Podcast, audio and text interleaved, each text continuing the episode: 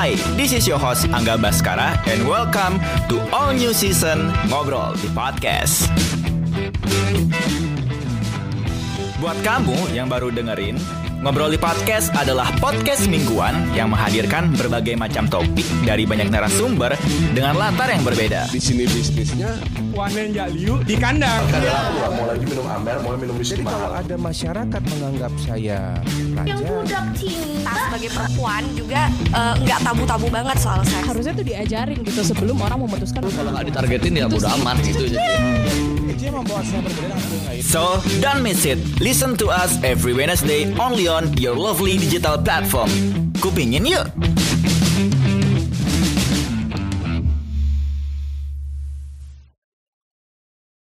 Welcome to Ngobroli Podcast. This is your host Angga Baskara.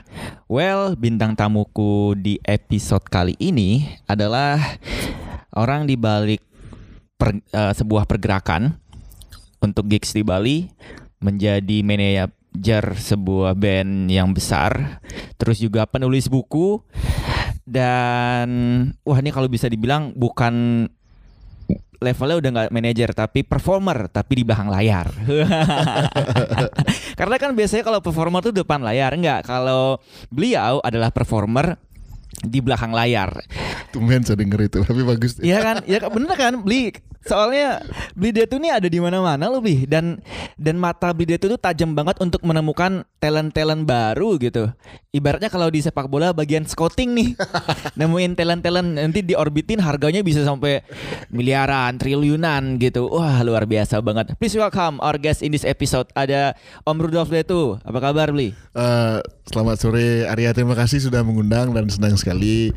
Karena terutama ketika yang mengundang adalah orang yang memang benar-benar tahu tentang apa yang dilakukan dan eh, cukup aktif dan juga sekarang dan memang profesinya manajer juga ya. I- iya sih beli kan saya juga ngelihat nih sama dari manajer-manajer yang udah oh ternyata kayak gini movementnya movementnya jadi sembari baca nyari-nyari tahu juga pakai bekal pribadi ya siapa tahu bisnis off air kita bisa di sharing lah ilmunya ke saya ya tapi beli Ya. saya baca di berbagai uh, website yang memang banyak menulis tentang seorang Rudolf Detu gitu. Dulu jauh sebelum sekarang, awalnya dari uh, penonton gigs-gigs yang suka ada di mana-mana sampai jadi penyiar radio ya katanya. Iya, iya, iya, iya.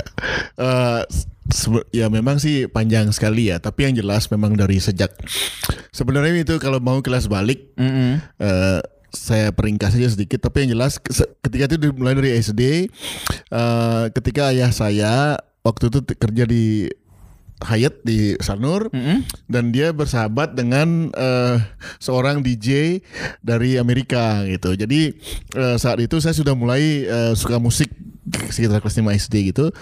Akhirnya pengetahuan saya tentang musik eh, jadi yang paling advance di antara yang lain, jadi yang paling sophisticated karena kelas 5 SD itu. Iya, Nggak, karena kan waktu itu eh, sekolah saya waktu itu SD 3 Saraswati English Class ya. Jadi eh, ip- eh, ayah saya di di eh, kasih ini apa dia lihat eh, eh, majalah-majalah billboard zaman Hmm, itu kan majalah-majalah billboard.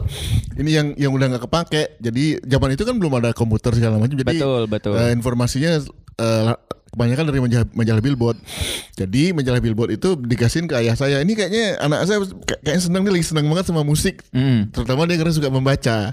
Jadi dikasihin itu mu- mulai 5 SD saya, saya sudah baca billboard dan akhirnya eh, pengetahuan saya jadi jauh lebih advance dari yang lain gara-gara saya punya em, eh, kitab Injil billboard itu gitu. Jadi itu kitab kita kayaknya kitab suci dari Billboard sama Rolling Stone tuh benar-benar sangat-sangat berharga banget di tahun itu ya. Iya, iya, iya. Jadi eh, waktu itu saya belum belum ketemu Rolling Stone dan belum belum terlalu tahu tapi Billboard yang paling awal apa cuman kenapa Billboard yang yang yang akhirnya tetap yang terpan tertancap di kepala saya Ah. terutama ketika majalah Billboard kan ukurannya besar tuh. Betul. Jadi pas saya baru-baru suka musik rock tuh baru buka albumnya Van Halen yang Women and Children First yang yang gitu. Mm-hmm. Jadi yang kayak gitu tuh saya jadi inget terus dan itu yang yang akhirnya mem- membuat saya eh, jadi lebih punya ketertarikan lebih ke ke musik terutama dalam hal ilmu pengetahuannya tentang sejarahnya apa segala macam. Dan kebetulan bapak dan adik saya itu eh, sudah mulai main gitar. Dalam sementara saya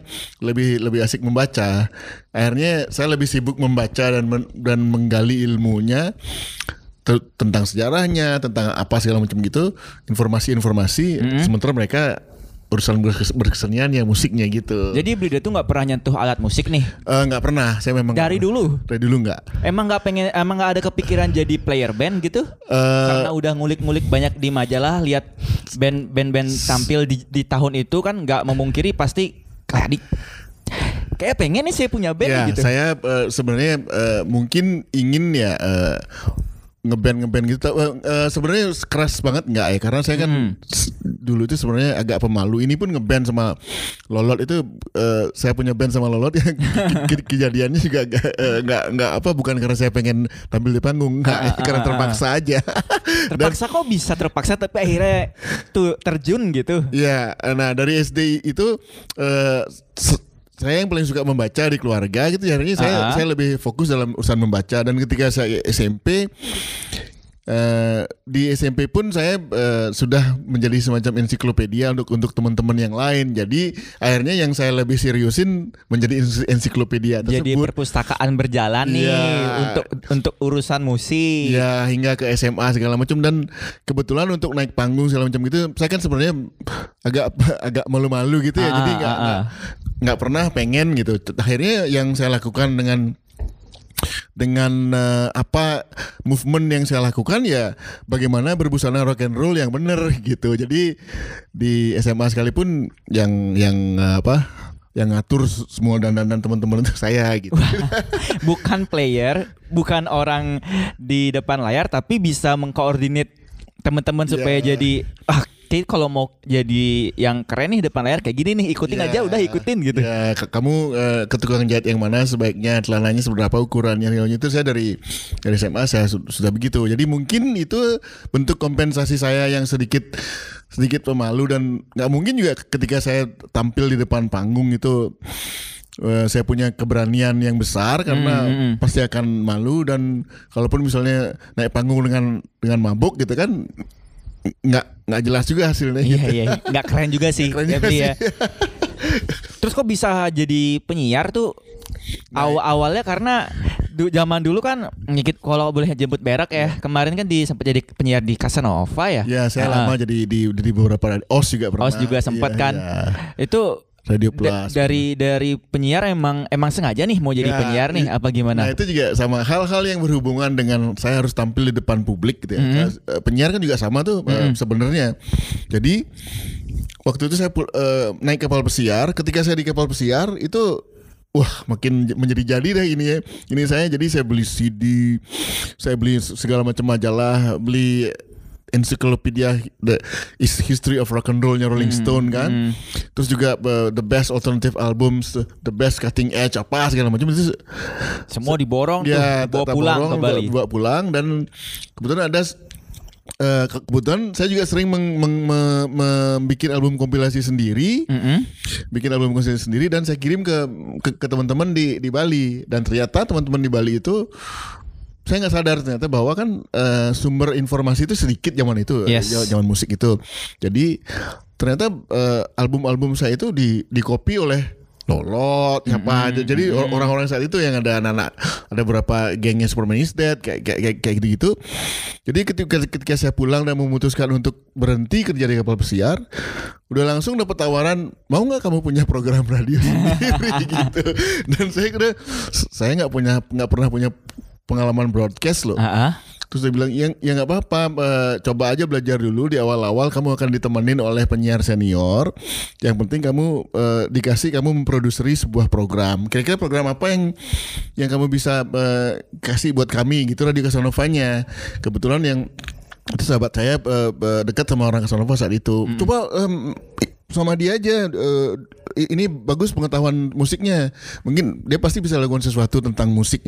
Akhirnya saya waktu itu saya ngelihat eh, yang yang populer itu kan pro- program underground metal gitu kan. Benar. nah sementara yang alternatif nggak ada. Anak-anak punk rock itu kadang-kadang mereka bergaulnya ke yang metal itu karena yang underground cuma itu aja yang solid gitu kan. Akhirnya saya datang dengan program alternative airplay waktu itu di Radio Casanova dan itu ternyata kemudian yang tidak pernah saya sangka itu ternyata jadi jadi tempat hangoutnya anak-anak yang non metal gitu. Jadi yang yang tidak tersalurkan anak ska anak anak punk rock anak hardcore grunge itu di situ akhirnya gitu.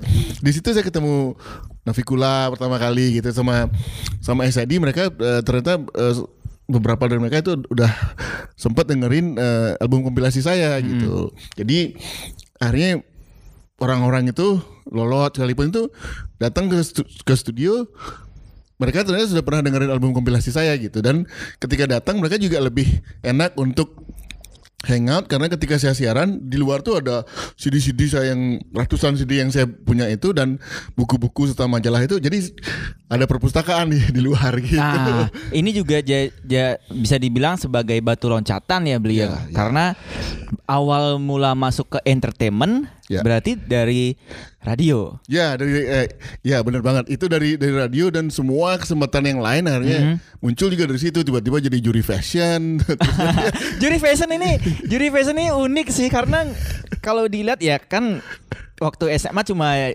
ja- eh, pengetahuan fashionnya dari majalah Billboard nih, iya, ya kan iya. majalah musik, Iya. yang emang base-nya tuh berdasarkan bagaimana musisi tampil. Kalau fashion ini kan secara general gitu. Iya iya Kok bisa sih? nggak eh, eh, ya teman-teman di, di situ juga eh, mungkin mereka yang lihat bahwa kalau yang lain-lain kan yang dadanan punk rocknya apa eh, ininya semuanya rata-rata punya kemiripan gitu ya. Hmm. Sementara saya kan datang dengan gaya saya sendiri dan saya bisa menjelaskan ini eh, baju kerah macan ini sejarahnya seperti apa. Nah, maksudnya yang kayak gitu ini, ini sepatu yang seperti ini dari mana kayak kayak gitu-gitu.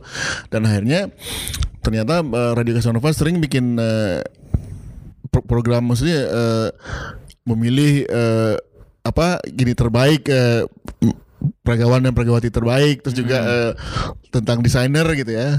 Saya jadi juri ya nggak nggak nyangka aja ini saya nggak nggak pernah minta tapi mereka yang yang beli ikut aja gitu Karena kan ini di- kalau bisa kalau jujur di luar ini kan di luar eh, pengetahuan di luar musik juga bahkan. Ya kan? di luar musik, cuman secara orang-orang yang di sekitar saya itu sudah tahu bahwa dari dulu dia, ini sebenarnya mengerti fashion, tapi mungkin aliran tidak mainstream gitu. Ah. Ya, tapi ketika di- ditaruh di punk rock pun nggak punk rock banget, masuk rockabilly juga nggak rockabilly banget. Jadi mau ke mana aja masih masuk nih. Iya masih masuk ya makanya di, di, di, di, dikasihin ini dan di situ juga muncul muncul tawaran untuk jadi eh, manajer band.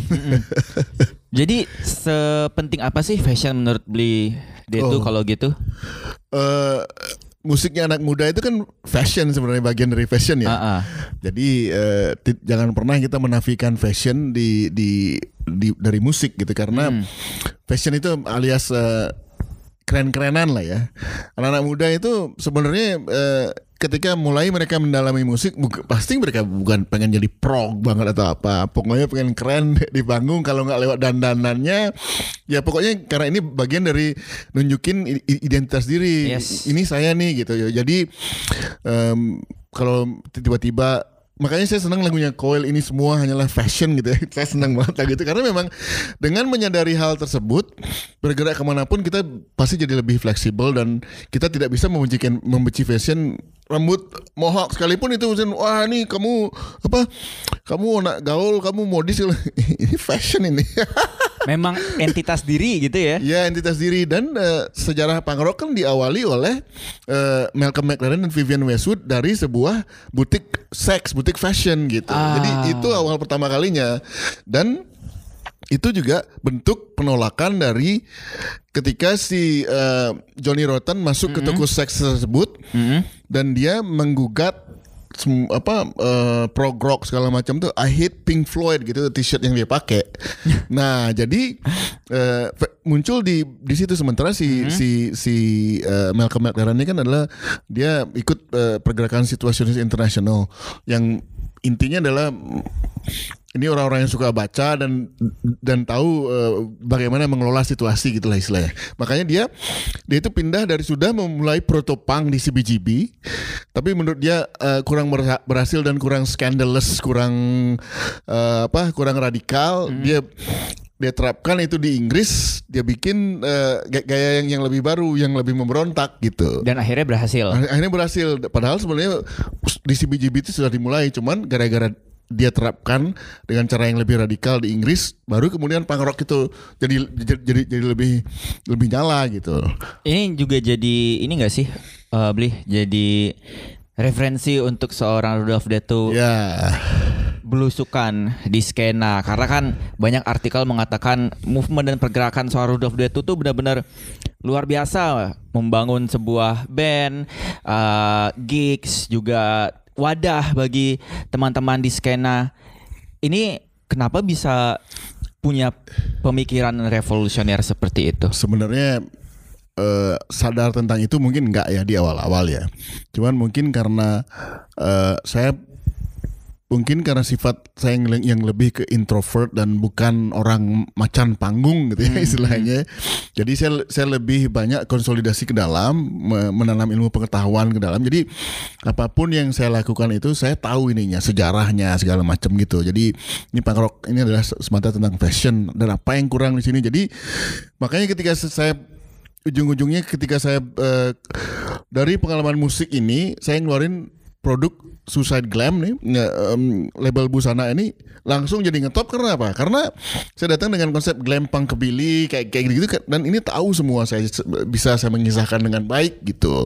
Jadi saya pikir deng- dengan itu bobotnya jadi jadi berbeda. Nah kemudian di perjalanan baru kemudian saya punya punya pikiran bahwa wah ini kini ini kita sudah melakukan hal-hal yang seperti yang saya baca dulu tentang gimana skena punk di awal proto punk yang kurang agak kurang berhasil zaman itu ya oleh Malcolm McLaren lewat New York Dolls dia.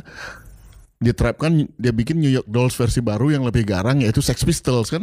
Tapi intinya sama New York Dolls itu men- men- mencoba menjadi semacam perempuan di dia pakai lipstick segala macam. Ka- kalau ini enggak yang dia pakai adalah mereka anti establishment dengan cara pakai kalung gembok segala macam itu. Jadi aksesori adalah apa yang kamu bisa bisa dapatkan di di sekitarmu itu pakai aksesori nggak harus uh, spend uang untuk beli Ya. aksesoris mahal. dan itu untuk nunjukin bahwa kami ini kelas pekerja no future apa segala macam gitu. Nah, jadinya situasi internasional ini tahu dia apa yang mesti dilakukan karena dia, ka- karena dia- bisa ngebaca gitu. Padahal sebenarnya mirip dengan ini yang dilakukan. Jadi ketika saya ngeluarin Suicide Glam sekalipun I know what I'm doing. Nah, yang kemudian saya lihat yang saya kemudian belajar adalah di ternyata ini adalah oh gerakan-gerakan ini tanpa sadar kita sedang membangun skena. Nah, lalu itu skena itu mungkin sebenarnya agak kurang punk rock kita kalau kita sebut sedang menginstitutionalize gitu ya. Tapi sebenarnya enggak. Kita cuma sedang kita kumpulin hal-hal ini dan yang paling pertama adalah harus kita Nah, contohnya seperti podcast ini. Jadi kita kita rangkum semuanya, kita arsipkan. Yang kalau zaman itu saya lewat lewat tulisan. Jadi kabarkan keluar gitu. Jadi emang udah tertanam antara hobi membaca dan hobi menulis nih sejak remaja, sejak, sejak kecil bahkan. Eh, hobi menulis nggak? Hobi menulis sebenarnya saya baru mulai malah ketika baru mahasiswa. Oh, Ya, jadi awalnya membaca dulu nih. Ya membaca dulu dan kemudian kan ada hal-hal yang saya maksudnya, oh ini kok nggak ngerti orang-orang gitu. Jadi saya mulai mulai eh, tuliskan nih harus kalau cuma lewat ngomong aja kayaknya saya agak terbata-bata loh ngomong agak bahasa Balinya ketah saya dulu tuh ketah tiap kali tiap kali ngomong diketawain orang gitu kan. Mungkin karena ada perasaan introvert dan rendah diri juga gitu. Dan mungkin rock and roll ini juga yang membantu saya untuk menjadi lebih lebih pede gitu ya nah terus akhirnya saya mulai menulis ternyata sambutannya juga baik jadi ap- tetap yang mereka lihat adalah ini is- isinya ilmu pengetahuan gitu. Dan ketika di radio itu pun ketika saya siaran di radio, saya jelek banget ke- ketika ngomong di radio. Pertama-tama tiga bulan pertama kayak di, ditemenin kan sama penyiar senior. Setelah itu kayaknya udah cukup deh wa- waktunya untuk gini kamu sendiri. Dan saya akhirnya harus siaran saya di radio. oh, beli beli itu kalau siaran isi isi siarannya bagus banget tapi kalau beli siaran jelek itu karena ini Karena nggak bisa saya halo oh, teman-teman. verbalnya yang emang Iya, halo apa kabar teman-teman selamat sore gimana kabar? Saya nggak bisa. dan dipaksa untuk kayak gitu tuh. Iya, dimaksud untuk kayak gitu dan saya nggak bisa dan akhirnya tetap jelek eh, sampai sampai eh, siaran saya berakhir. Cuman kemudian eh, di siaran berikutnya kayak di OS gitu, saya udah u- udah semakin tahu. Gini aja, saya tetap produserin segala macam. Tolong kasih saya satu ini dia yang bakal nanya-nanya saya, tapi otaknya tetap saya. Hmm. Jangan saya yang disuruh, eh apa kabar? Nggak bisa saya makanya ketika Jadi saya- siarannya berdua nih harusnya Iya, nih. harus berdua. Enggak enggak enggak single ya. Ya dan kadang-kadang sering saya nge Hmm. Apa deh orangnya Lagi on air tuh berarti. Iya iya dia masih sepi, sepi. Tapi orang-orang tetap tetap senang dengan dengan eh, datang ke eh, apa mendengarkan acara saya karena Heeh. saya nge- ngebahasnya dengan topik-topik khusus misalnya eh, Californian punk gitu Hmm, misalnya. Terus eh, apa bedanya punk Inggris dengan eh, punk Amerika atau eh, grunge itu gimana sejarahnya? Saya puterin lagu-lagu grunge khusus Hmm. eh, dibahas. Terus di Bali ada nggak band seperti ini? Navikula. Saya puter gitu. Oh. Jadi orang-orang itu senang dengan itu karena bukan cuman bro ini lagu baru nih metal wah nggak ada value-nya nggak ada di situ. Nah itu yang orang-orang seneng. Jadi yang ketika saya ini pun eh, di OS juga sama dan itu jauh lebih tertata karena saya udah eh, internet udah, udah jauh lebih bagus. Pengalaman sebelumnya juga udah ada. Pengalaman sudah ada dan eh, ada band rockabilly misalnya oh ini band ini menarik sampai akhirnya rockabilly jadi tenar sekali ketika di ung, eh, di apa diekspos oleh majalah Playboy saat itu mereka tujuh halaman gitu khusus membahas tentang rockabilly di Bali gitu Ah. dan aw- awalnya dari siaran radio saya gitu Itu Playboy Ya. mengulas rockabilly. ya rockabilly di Bali Dan band yang diulas adalah The Hydrant The Hydrant. The Hydrant dan Susah Del Sinatra dan dia juga ngeliat saat itu dia ngikutin Susah Glam yang lagi photoshoot gitu. Kita Ah. Hmm. kan temanya rockabilly banget saat itu. Dan mereka menurut mereka wah ini yang paling beda nih di Bali. Mereka bikin istilah sendiri rockabilly akhirnya gitu. Rockabilly, Rockabilly. Iya. Tapi beli beli kan banyak banget udah ngorbitin band ya sampai bisa jadi besar. Orang pasti nggak bisa melupakan jasa seorang Rudolf itu. Kalau boleh kalau boleh memilih nih, ya bukan boleh sih. Kalau dipaksa harus memilih nih di antara band yang dulu pernah di manajeri dan band yang sekarang di manajeri, paling disuka yang mana? Ini pertanyaan biasanya kalau orang pasti cari aman sih. Iya, kalau sa- kalau saya eh, beda-beda nih ya. Ah, ah. Jadi secara musikal dari dulu sampai sekarang pun Navikula yang paling saya, senang. Dan di awal-awal itu pun ketika saya mulai memanajeri Superman Dead, Mm-mm. saya mulai sering bikin-bikin acara di Kuta gitu. Navikula sering eh, diajak main dan terpesona sejak awal secara musikal ya. Mereka itu udah dari dulu, apalagi sekarang dari, Dari dulu tuh 95, dari 96 ya eh, pertama kali ketemu tahun pertama berapa enggak, tuh? pertama kali ketemu itu eh, 98 waktu dia eh, mere- mereka baru keluarin album pertama Ah, ah. Eh, di saya wawancara mereka di radio kan ini 2002-an gitu. 2002-an saya bikin acara The Beat Rock Fest sama majalah The Beat di Seminyak Kuta eh, sekitar situ dah. Eh, di situ eh, saya ngelihat wih ini orang memang dari dulu apa solid banget gitu. Jadi dan liriknya segala macam saya, saya suka secara musikal. Tapi karena saya arah menulisnya gaya-gayanya agak bandel-bandel dikit segala macam agak susah bagi saya untuk eh, untuk eh, ngomongin tentang Navikula saat itu.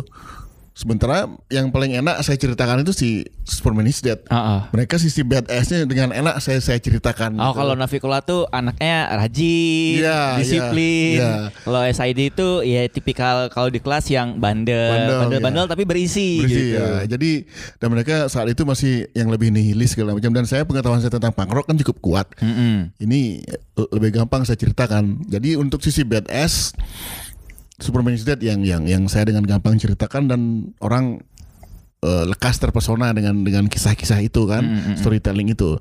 Tapi kalau secara musikal kalau setiap kali nonton dan selalu terpesona itu. Navikula.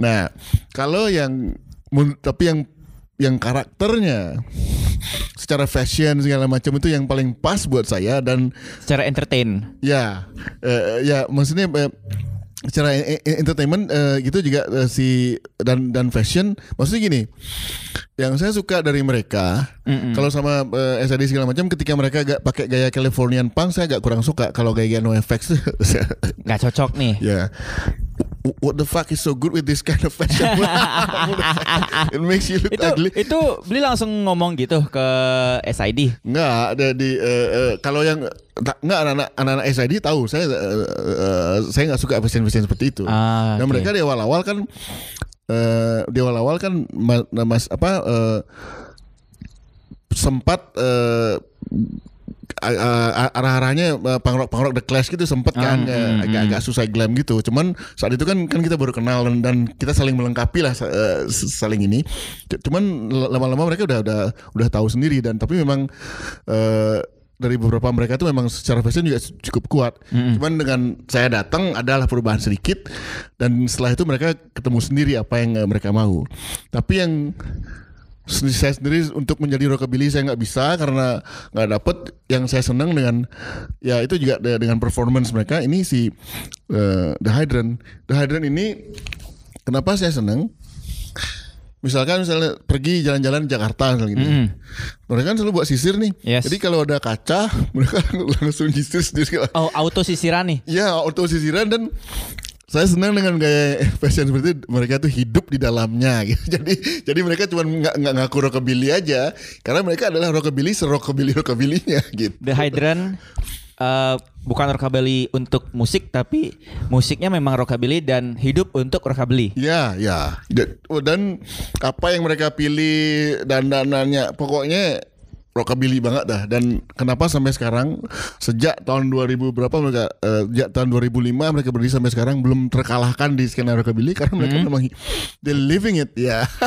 Hidup dan tumbuh berkembang Iya. di genre itu. Ya. Jadi kalau boleh tahu sedai hard apa sih The Hydrant eh, terhadap rockabilly dan tete benge ya gitu karena kan beli dia itu salah bisa dibilang the man behind Ya, eh, The Hydrant gitu. Ya, kalau kalau saya secara pengetahuan rockabilly, pokoknya kalau bicara dengan ilmu pengetahuan tentang musik ya eh, beranilah saya gitu ya. Cuman mereka eh, mereka juga cukup tahu gitu. Eh, mereka juga cukup tahu, tapi yang paling paling tahu di dalamnya adalah si Adi Adi Hydran ya. Apalagi makanya dia sukses banget dengan dengan label dia sendiri karena dia memang paham banget tentang tentang rockabilly.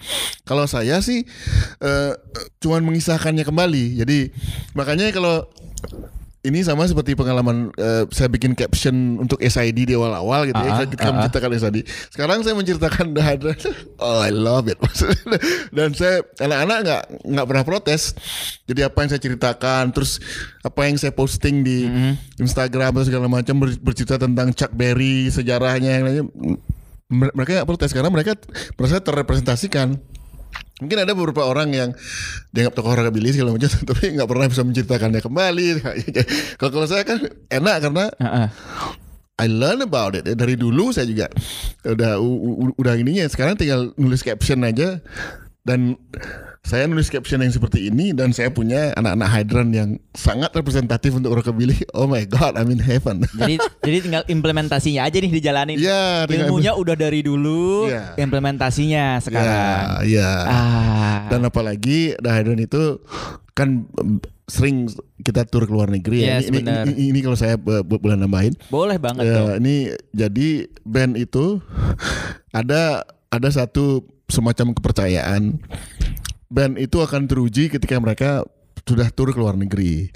Biasanya band-band itu bubar ketika tur ke luar negeri gitu. Kayak kayak Sex Pistols kan di hari Ah. pertama mereka tiba di Amerika bubar gitu. Iya sih, Karena apa? iya benar sih. Ya, because you show your true color ya. Ini wa- wa- warna aslinya itu keluar. Saya kalau sama The Hydran itu eh, keluar luar negeri sama segala macam mereka itu gampang banget diatur segala macam. Yang penting saya tahu pokoknya berapa hari kita bakalan di di, di Amerika nih. Oh, 8 hari. Eh, s- saya pasti akan coba eh, da- cariin dana atau apa kalau kurang gitu ya, cariin sponsor segala macam untuk agar bisa meng- menyediakan whisky sehari minimum dua gitu. dua, dua, Jadi emang se segitunya banget nih. ya dua botol dua, dua botol buat mereka. Mm-mm. Belum Seleb- termasuk sama beli dia tuh. Enggak itu, itu cukup oh udah itu cukup kirain kirain dua botol buat band beli detunya beda botol lagi gitu Cukup lah ke dua botol kan eh, kita biasanya berangkat tim kecil tuh paling berenam, Ah. paling banyak berenam. Pernah berlima kan gitu. Nah, jadi dua botol cukup lah. Pas, eh, tiap hari loh. tiap hari Iya. satu hari dua botol Iya. Nah, terus kalau itu udah ada, mereka tuh nggak nggak peduli mau tidur di tempat apa kan. Gampang banget diatur. Jadi semakin saya ngeliat seperti itu dan mereka humble-nya luar biasa, humble-nya nggak nggak pernah protes segala macam. Dan ketika lang- naik panggung memberikan yang terbaik dan kita kalau main di luar negeri ya tanpa bermaksud arogan ya minimum dua kali angkor we want more. Dan itu selalu terjadi di mana pun kita main. Sampai saat ini? Sampai saat ini. Berarti pengalaman pergi ke luar negeri bersama band mana yang paling seru karena semuanya udah pernah diajak ke main ke luar negeri soalnya kan? Eh, enggak saya pernah sama Navikula pernah sama Prison of Blues sama SID justru enggak oh sama SID belum Ya pernah pas saya pas saya mundur dari SID ketika saya mulai mm, sibuk ini mereka Baru keluar. berangkat. ya baru berangkat ke Oh. Warp, Vans Warp Tour. Uh, uh. Kirain Saya- defense uh, web tour itu masih oke Ya, tuh di sana. belum, Oh beli beli belum di situ. Belum, eh, jadi saya sama saya sama ke Hydran tujuh kali apa udah. Mm-mm. sama terus sama Prison of Blues. Ini masing-masing beda. Ini masing-masing beda. Kalau kalau Navikula masih gayanya eh, dan agak lama. Maksudnya udah kita harus berangkat nih. Misalnya mesti berangkat jam 7 misalnya dari jam jam 4 harus udah dorong Terus kalau sama kalau sama Dadan nggak jauh mereka lebih tertib kalau sama Prison of Blues ini beda lagi mereka disarankan oleh seseorang Mm-mm. agar eh, ini nih eh, yang dulu nulis rockabilly pertama kali di dari Bali yang pertama kali dorong-dorong dan yang bikin band Psychobilly pertama kan saya di, di, di Ah, ah. Indonesia Ah, ah. Susah Del Sinatra itu tapi yang yang namanya juga ngetop Prison of Blues dari dari Temanggung mereka diundang tur main di Inggris gitu jadi dia ngajakin saya akhirnya gitu itu juga pengalaman baru dan akhirnya menjadi oh bisa juga kalau saya punya pekerjaan baru sebagai tour manager untuk band Iya, untuk iya luar kan negeri lepasan itu. Nggak nggak maksudnya nggak ter- nggak terikat sama satu band kalau tour manager. Iya. Ya kan bisa ke mana aja tergantung requestnya. Wah, Dan jadi saya saya bisa bisa na- nawarkan eh, apa servis tambahan yaitu Mm-hmm. yaitu ngurusin selama perjalanan ngurusin media sosial kamu. I'm a good writer tuh. Tadi enak iya lah. sosial media managing ya Iya, dan lain-lainnya timnya lumayan kan membantu. Wah, boleh deh, Om. Terus Tapi kalau untuk untuk ka- kalau kamu ini udah punya kemampuan seperti ini tinggal kemampuan menulis saja. gitu. Wah, siap. Dulu saya pernah nulis juga, Ya. tapi eh, berhenti sih. Maksudnya nggak berhenti kayak lagi vakum aja, Hmm. belum dilanjutin. Karena la- lagi sibuknya ke sini sih beli. Ya ya ya baru mulai ya gini ya. Ah, ah. Ini kan baru mulai jalan tiga tahun nih. Oke. Jadi kayak eh, mau coba serius di sini dulu sebelum akhirnya balik nulis lagi. Iya, iya. Gitu. Tapi emang nulis seneng sih. Ya. Kayaknya bagus, e- bagus. emang jadi ini ya apa? Karena kan kit- kita lihat di Bali yang mau jadi manajer untuk serius nih nggak banyak dan rata-rata semuanya accident, accidentally kan Iya, yang emang nggak iya. sengaja gitu. Iya. Saya pun juga nggak sengaja akhirnya terjun jadi manajer dari cerita beli itu juga nggak sengaja yang Iya. terjun dari manajer dan be- beberapa be- manajer-manajer lain pun juga rata-rata emang nggak sengaja kan. Ya. Ini karena faktor apa sih, Bli? Kenapa orang masih enggan banget loh buat menseriusi menjadi eh, menjadi sesuatu yang emang di belakang layar gitu? Ya, nah ini ini, ini juga eh, cerita lucu kan. Saya akhirnya sudah eh, sampai hari ini pun Mm-mm. masih saya ba- banyak mendapat tawaran untuk memanajeri sebuah band. Ah. Artinya ada yang salah di khususnya di Bali ya. Kalau di Jakarta apa segala kota-kota besar lainnya mungkin sudah cukup gampang Regenerasi. Ya, satu yang satu kurang regenerasi. Dan ini sudah pernah saya lakukan ketika ketika saya sudah eh, ketika saya berhenti menjadi manajer SID, eh, bukan. Ketika saya masih me- menjadi manajer SID eh, di sekitar tahun-tahun 2007 gitu, saya sering eh, eh, mulai bikin semacam seminar-seminar kecil gitu. Maksudnya eh, be- eh, diskusi lah ya, diskusi nggak perlu bayar untuk ikut gitu. Workshop gratis. Ya, WhatsApp gratis Ah, ah. gitu. Eh, harus tak undang be- beberapa orang gitu untuk untuk datang. Selalu yang saya bilang eh, pertama gini, kamu pikir eh, s- waktu saya ini setelah jadi eh, penyampaian sama Lolot ya, Ya. jadi saya mundur kan karena ng- ngerasa nggak nyaman di atas panggung. Jadi saya juga bilang, kamu pikir kayak kita kita ini nggak pengen dapat eh, cewek cantik dan, dan- Iya. dan semuanya pe- semuanya pengen jadi penyanyi yang utama. Jadi kan istilahnya gitu pendekatannya. Tapi sebenarnya kenapa band-band ini rata-rata band-band ini semua akhirnya mandek di tengah-tengah nggak tahu mesti ngapain padahal ngerasa udah udah cukup hebat gitu segala macam karena nggak ada nggak ada yang ngurusin di di, di belakangnya gitu semuanya pengen jung- jungkir balik di panggung aja gitu Betul, betul sekali itu. Itu saya setuju sekali saya. Benar banget. Eh, pengen menjadi yang paling keren segala Eh, macam pokoknya pengen dilirik cewek. Iya. yang kalian nggak pernah tahu saya cuma bilang saya eh, untuk manajer eh, jenis cewek yang didapat yang kualitasnya paling bagus loh. Tapi itu saya setuju. itu saya setuju. Karena kan paling sering ketemu orang, Ya. memantau Ya. ya kan ngelihat gerak-gerik. Akhirnya oh ini yang emang berkualitas. Kalau udah yang, yang berkualitas lah maksudnya. kalau ya. yang eh, nggak- bukannya Grupis ya. Eh, kalau- yang grupis ya udahlah kasih player aja lah. kita kita mah diam aja. ya gitu lah eh, istilahnya dan itu udah sudah sejak lama Mm-mm. Saya lakukan sempat beberapa kali cuman masih tetap nggak ngaruh.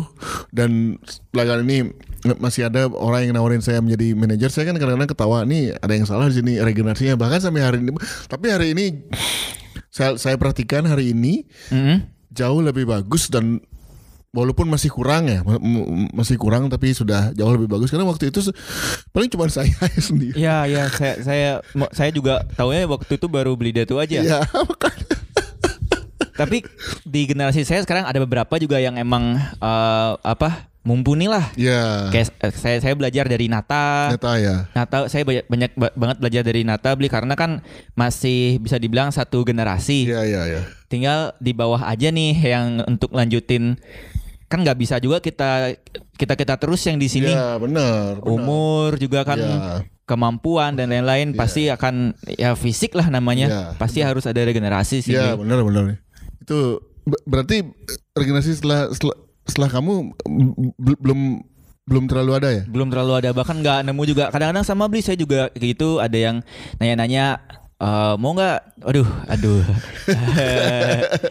Eh, kalau mending kalau saya sih ngasih tahu ya mending kamu nyari teman yang emang paling dekat. Ayo saya seri saya kasih dah semua channel saya. Ya ya itu lebih baik Ya. daripada saya harus ikut megang ya eh, bandnya dia. Padahal sebenarnya kan sep- seperti yang terjadi eh kayak Robi gitu kan ketika saya mundur dari SID dan Navikula Mm-mm.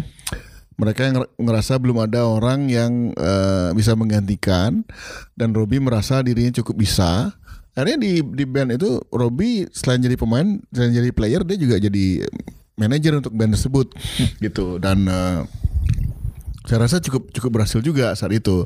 Tapi memang eh, saya pikir memang harus orang yang orang yang dekat dengan band tersebut yang Ya, yang betul. ini. Karena kalau kalau cari yang profesional juga sedikit ada yang di, di sini gitu kan. Dan juga kalau dipakai sistem Jakarta di sini situasinya agak beda soalnya nggak nggak nggak Jauh, bisa. oh, jauh, Ya, jauh, Bli, jauh. Iya, ya, yang nggak nggak bisa di- dipraktikkan dengan eh, mirip seperti itu gitu. Ah, ah. Jadi eh, saya pikir di sini memang harus kita masih mesti rajin sebenarnya untuk untuk ini regenerasi ya. Tapi menurut saya yang paling penting dari semuanya dan ini sering saya bilang Mm-mm. adalah eh, kemampuan literasi kita. Karena jangan pernah lupa saya selalu percaya tentang eh, storytelling ya. Eh, seberapa kita waktu kecil eh, belum belum belum tentu kita mau untuk apa berangkat tidur ketika orang tua tidak mengisahkan sesuatu mendongeng gitu. Yes, betul, setuju. Nah, jadi eh, dari kita pribadi sebagai sebagai manajer diperlukan kemampuan. Kalau saya kan tidak pernah menyebut, tidak pernah menyebut. Saya, saya agak agak kurang bagus dengan ngetok pintu orang. Ini kasih gig dong, saya nggak bisa. What I can do the best is situasi eh, propagandis kan. Jadi eh, saya mengisahkan tentang apa yang saya kerjakan, band yang band yang saya manajeri segala macam. Itu nanti orang orang yang akan datang mereka terpesona dengan tulisan tersebut dan wah kayaknya bagus nih band ini gitu. Saya pikir kalau kamu tidak jago di ulang bis- bisnis-bisnis seperti itu, kamu harus jagoin dirimu di soal literasi, soal tulis menulis gitu. Sesuatu yang emang menu- eh, ketika orang melihat tuh dia bisa langsung tersihir ya. Iya, Selain iya. karena performa bandnya, Iya. juga dari info-info yang emang wah nih manis Ya, nih gitu. Manis nih. Dan eh, hindari hard selling juga gitu. Yes itu dia harus smooth. Iya. Even itu udah sama brand atau udah nyantol sama brand, tetap harus smooth. Iya. Karena kan nggak nggak mungkin nih brandnya ada di atas band dong. Iya, iya. Gitu. Oh, eh, yang menarik lagi nih dari Blida tuh menulis itu benar-benar sampai membuat buku Ya. dan udah ada dua kalau nggak Ya. salah ya. Sudah dua. Dua buku. Yang ketiga kapan nih? Yang ketiga saya lagi nulis Navikula. Mm-hmm. Semoga Agustus bisa ini. 25 tahunnya mereka. Ya, dulu tahunnya mereka. Wow. Terus setelah itu udah ada yang satu lagi nulis untuk eh, news presenter top lah di Indonesia. Heeh. Jadi ya saya pikir ini juga nggak nggak pernah kita sadarin juga ya akhirnya bisa ih karena suka-suka menulis ini nulis buku dan orang-orang ternyata senang Mm-mm. datang ujuk-ujuk dari Jakarta pokoknya harus kamu yang nulis buku saya gitu Ini project yang akan dilakukan kalau Navikulan targetnya tahun ini kelar. Ya, Agustus. Kalau yang satu lagi, berapa bulan kemudian wah kenceng ya. Eh, tapi tetaplah eh, kan itu juga membaca dan menulis adalah kesukaan saya kan. Ah, ah. dan semuanya ini adalah hasil dari hasil dari menulis dari kemampuan menulis semua pekerjaan yang saya akhirnya kerjakan sekarang itu semuanya dari pekerjaan menulis gitu jadi eh, saya pikir makanya sampai sekarang yang ingin selalu eh, saya bagikan ke, ke teman-teman Mm-mm. apalagi ketika coba deh hi- hi- hi- hitung eh, teman-teman kamu atau manajer-manajer lain yang memang punya kemampuan menulis mumpuni gitu loh. Jadi atau teman-teman sendiri aja deh karena rata-rata orang Indonesia kan kalau nggak salah nomor 4 atau nomor 5 terburuk di dunia dalam urusan literasi. Nomor dua terbawah. Nomor 2 Ya, ya? Oh, nomor dua terbawah. Itu surveinya kalau nggak salah 2017 17 ya. apa 16 tuh. Dua terbawah. Nah. Sedih sih. sedih nah dan di sisi yang lain mungkin kita bisa steal the show kalau gitu kalau kita punya cukup punya kemampuan menulis di awal-awal misalnya Mm, ya terus saja kita eh, apa eh, terus saja kita iniin eh, bikin diri kita semakin jago menulis gitu karena sang pemenang adalah sang penulis gitu Iya, yang yang menjadi pemenang kan yang men- yang menulis ya, maksudnya. ya Dan dalam sejarah ah, ya ah, sejarah ditulis oleh pemenang. pemenang ya nggak ada ya yang kalah yang nulis sejarah. Iya, makanya. Iya. ya, ini bisa jadi ini juga insight juga sih buat teman-teman yang dengerin nanti. ya Dan kayak eh, di awal tadi saya sebut sebagai performer karena kan jarang banget orang lihat di belakang layar itu lah performer. Tapi di belakang layar ya udah tim pembantu nih. Iya. Padahal di belakang layar tuh juga mereka King, adalah kingmaker performer. ya ya Mereka sebenarnya orang belakang layar tuh kunci-kunciannya di situ. Yang dilihat sama penonton kalau lagi band show segala macam tuh kunci-kunciannya di belakang. ya benar dan eh, dan kadang-kadang kan yang di sini juga eh, ya, saya pikir yang agak kurang elok yang saya lihat Mm-mm. kadang-kadang manajernya juga pengen terlalu tampil Nah. iya iya iya. Kalau kalau itu itu ngelihatnya kayak gimana tuh? kalau saya eh, eh, saya tidak tidak secara khusus menyebut Bali ya saya melihat ada ada beberapa kecenderungan tapi itu saya lihat sebagai kecenderungan Oknum-oknum lah kita ya, sebut. oknum-oknum ya oknum-oknum itu kecenderungan dari negara dunia ketiga yang maksudnya belum maksudnya dunia ketiga kan yang khas selalu pengen tampil bling bling gitu lah. Jadi, jadi ya udah kamu harus terima nasib bukan nasib terimalah takdirmu menjadi manajer artinya kamu harus dari belakang nggak perlu ujuk-ujuk kamu pengen harus tampil juga gitu loh. Iya iya. dan yang seperti itu kan sebenarnya mengelola ego aja gitu. Jadi, maksudnya eh saya kalau ngeliat yang gitu-gitu udah nih nah, eh, manajernya juga- juga ikut endorse endorse Jadi bakal saingan sama bandnya ya. Yang harusnya dia nge-upselling bandnya malah nge-upselling dirinya, dirinya sendiri. dirinya sendiri gitu nah saya pikir eh, maksudnya eh, ini juga mungkin kalau ujung-ujungnya akhirnya orang-orang tahu, orang-orang tahu bahwa oh ini orang-orang di belakangnya dan kemudian sponsornya mendekati, oke lah, nggak apa-apa dan dan yang diambil kan beda gitu ya. Cuman eh, seperti yang saya lakukan sekarang, maksudnya I think I deserve to be eh, apa namanya di, di to be acknowledged ya, Iya. ya, ya untuk di You deserve it, oh, Abdi. sangat sangat lah. Sampai kegiatan-kegiatan yang emang eh, di rumah Sanur, Iya. terus juga jadi brand ambassador beberapa produk. Itu Iya. kan memang urusan personal, Iya, tidak ada kaitannya dengan Iya. band. Itu yang saya saya juga sayangkan dengan uh, beberapa manajer seharusnya yang mereka lakukan perbaiki diri dengan menulis segala macam, terus uh, uh, dorong bandnya agar jadi lebih populer. Jangan kamu juga ikut uh, cari endorsi, endorser menjadi endorsi. ya, it's part of uh, dinamika lah ya. Iya iya. Ternyata ego untuk tampil depan layar masih ada ya untuk beberapa oknum. Cuma kan sekarang dari Blida itu sendiri juga sibuk banget nih Ya, di media sosial saya lihat ada di mana-mana Iya. dan terakhir jadi brand ambassador untuk minuman beralkohol tuh apa Iya. tuh ya beli ya? Ya saya eh, saya kan eh, memang salah satu kegiatan rekreasional saya adalah Tiap orang kan beda-beda, ada yang suka naik gunung rekreasionalnya, ada yang pergi ke pantai, ada yang pergi ke perpustakaan. Saya suka saya suka pergi ke perpustakaan juga. Eh, Salah satu rekreasional yang saya suka adalah minum minum minuman beralkohol, menikmati minuman beralkohol.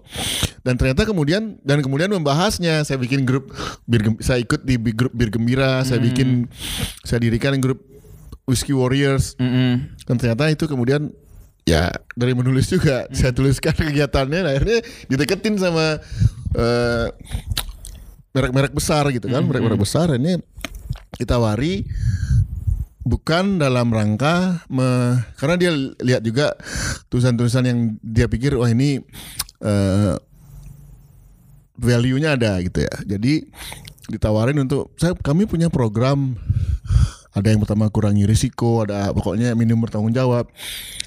Intinya adalah kamu adalah sosok yang dikenal suka menikmati mi- miras gitu istilahnya. Eh, tapi di sisi, sisi yang lain kayaknya kamu cukup bisa mewakilin secara intelektual menyebarkan informasi ke anak-anak muda atau ke publik tentang seberapa berbahaya minuman beralkohol tapi tanpa harus meninggalkannya bagaimana mengelola gitulah. Jadi eh, sebelum itu saya udah sering bikin acara drinking responsibly. Mm-mm. Pergi ke Banjar-Banjar, pergi ke kreatif hub kreatif hub yang lain sambil bikin acara musik, bikin diskusi tentang misalnya mumpung sekarang ada gokar Mm-mm. eh, dan yang sedikit lebih murah dari taksi atau go, eh, atau gojek gitu. Saya saya sempat tinggal eh, di Cina dan Australia, yang mana di situ tertib orang setelah minum minuman beralkohol mereka nggak nggak makan dari kendaraan bermotor gitu. Jadi eh, saya sering k- konsultasi apa disku, bikin diskusi seperti itu gitu. Nah sekarang udah naik lagi menyebarkan kuis tentang bener nggak sih contohnya nih Mm.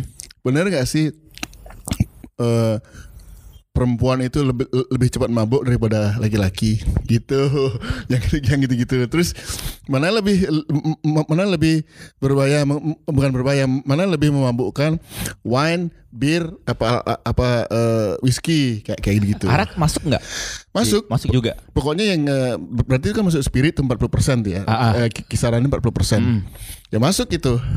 Jadi seperti ini memang memang wanita punya punya kecenderungan lebih mudah eh, mabuk daripada laki-laki gitu. Nah, hal yang seperti itu yang maksudnya niatnya adalah bukan soal kamu berhenti minum enggak itu tubuh kamu terserah kamu mau mau minum seberapa banyak segala macam Mm-mm. di atas 20 juta- eh, batas orang minuman beralkohol kan 20 tahun minimum ya. Ya. Setelah umur kamu di atas 20 tahun, 21 tahun, ngapain juga kamu sama tubuhmu terserah lah. Tapi yang jelas apa yang kamu tenggak itu kamu harus tahu. Itu aja.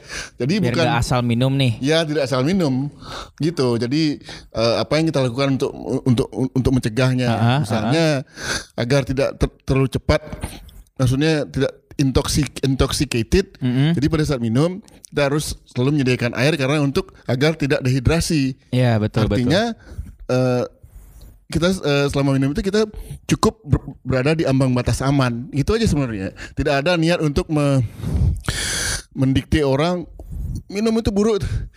It's your own choice, it's up to you gitu.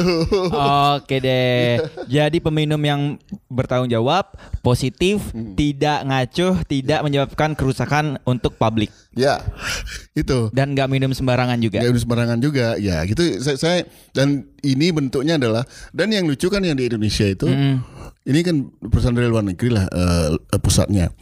Ini yang mensponsori adalah perusahaan minuman, bukan bukan departemen kesehatan. Bukan pemerintah, ya bukan. tapi produk minuman. Ya, Luar nah, biasa. nah, Wow. Dan saya di situ saya saya justru senang. Artinya mereka ada tanggung jawab dengan apa yang mereka jual. Mereka bikin minum, mereka bikin produk minuman, tapi mereka punya responsibilitas yang baik untuk Ya. eh, customer mereka. Iya, iya. Jadi kalau ada apa-apa mereka nggak bisa disalahin, ya mereka tanggung jawab sama kesalahan mereka. Iya, iya. Oke, terima kasih. Oke. Lide tuh udah mau ngobrol-ngobrol di ngobrol di podcast. Episode ini bisa kamu dengarkan di Spotify. Kalau gitu kami berdua pamit dan sampai jumpa. Bye. Bye, terima kasih.